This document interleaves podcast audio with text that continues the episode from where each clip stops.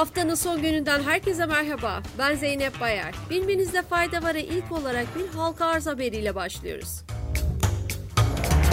Bloomberg'un haberine göre SpaceX hızlı büyüyen Starlink uydu şirketini 2024'ün sonlarına doğru ilk kez halka arz etmeyi müzakere ediyor.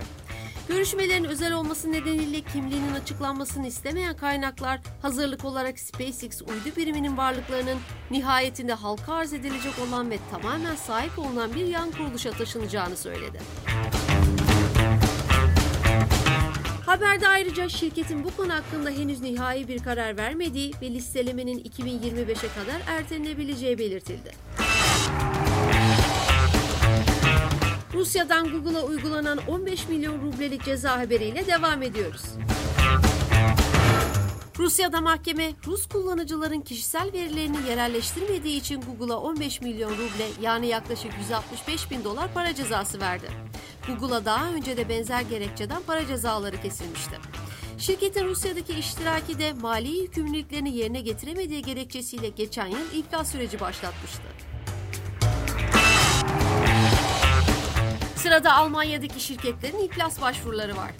Almanya Federal İstatistik Ofisi'nden yapılan açıklamaya göre Ekim ayındaki iflas başvuruları bir önceki yılın aynı ayına kıyasla %22,4 yükseldi. Ağustos 2023'te en çok iflas her 10 bin şirkette 9,9 vaka ile taşımacılık sektöründe görüldü. Enerji tedarik sektörü ise her 10 bin şirkette 0,6 vaka ile iflasların en az görüldüğü sektör oldu. Covid-19 krizi nedeniyle birçok sektörde önemli iş kayıpları yaşayan Alman ekonomisi son aylarda da enerji krizi, nitelikli çalışan ve yüksek enflasyondan olumsuz etkileniyor. Avrupa Birliği enerji ithalatına metan emisyon sınırı getiriyor. AB Konseyi, üye ülkeler ve Avrupa Parlamentosu arasında müzakere edilen ve enerji sektörünün metan emisyonlarını azaltmaya yönelik yeni kuralları içeren yasa konusunda anlaşma sağladığını açıkladı. Buna göre AB'nin iklim hedeflerine ulaşması ve hava kalitesinin iyileştirilmesi için enerji sektöründen kaynaklanan metan salınımı azaltılacak.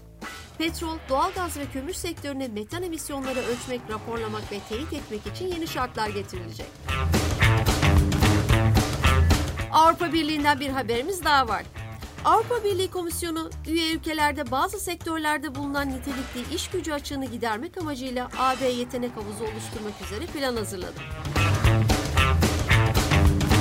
Komisyonda kabul edilen plana göre birlik genelinde inşaat, bilişim, sağlık ve yaşlı bakımı gibi sektörlerde görülen iş gücü açığını kapatması öngörülen yetenek havuzu, AB dışında yaşayıp iş arayanlarla birlik içindeki işverenleri buluşturacak.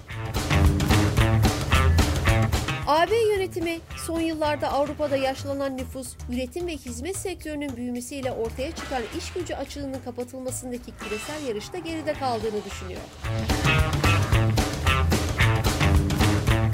Bugünlük bu kadar. Haftaya tekrar görüşmek üzere. Hoşçakalın.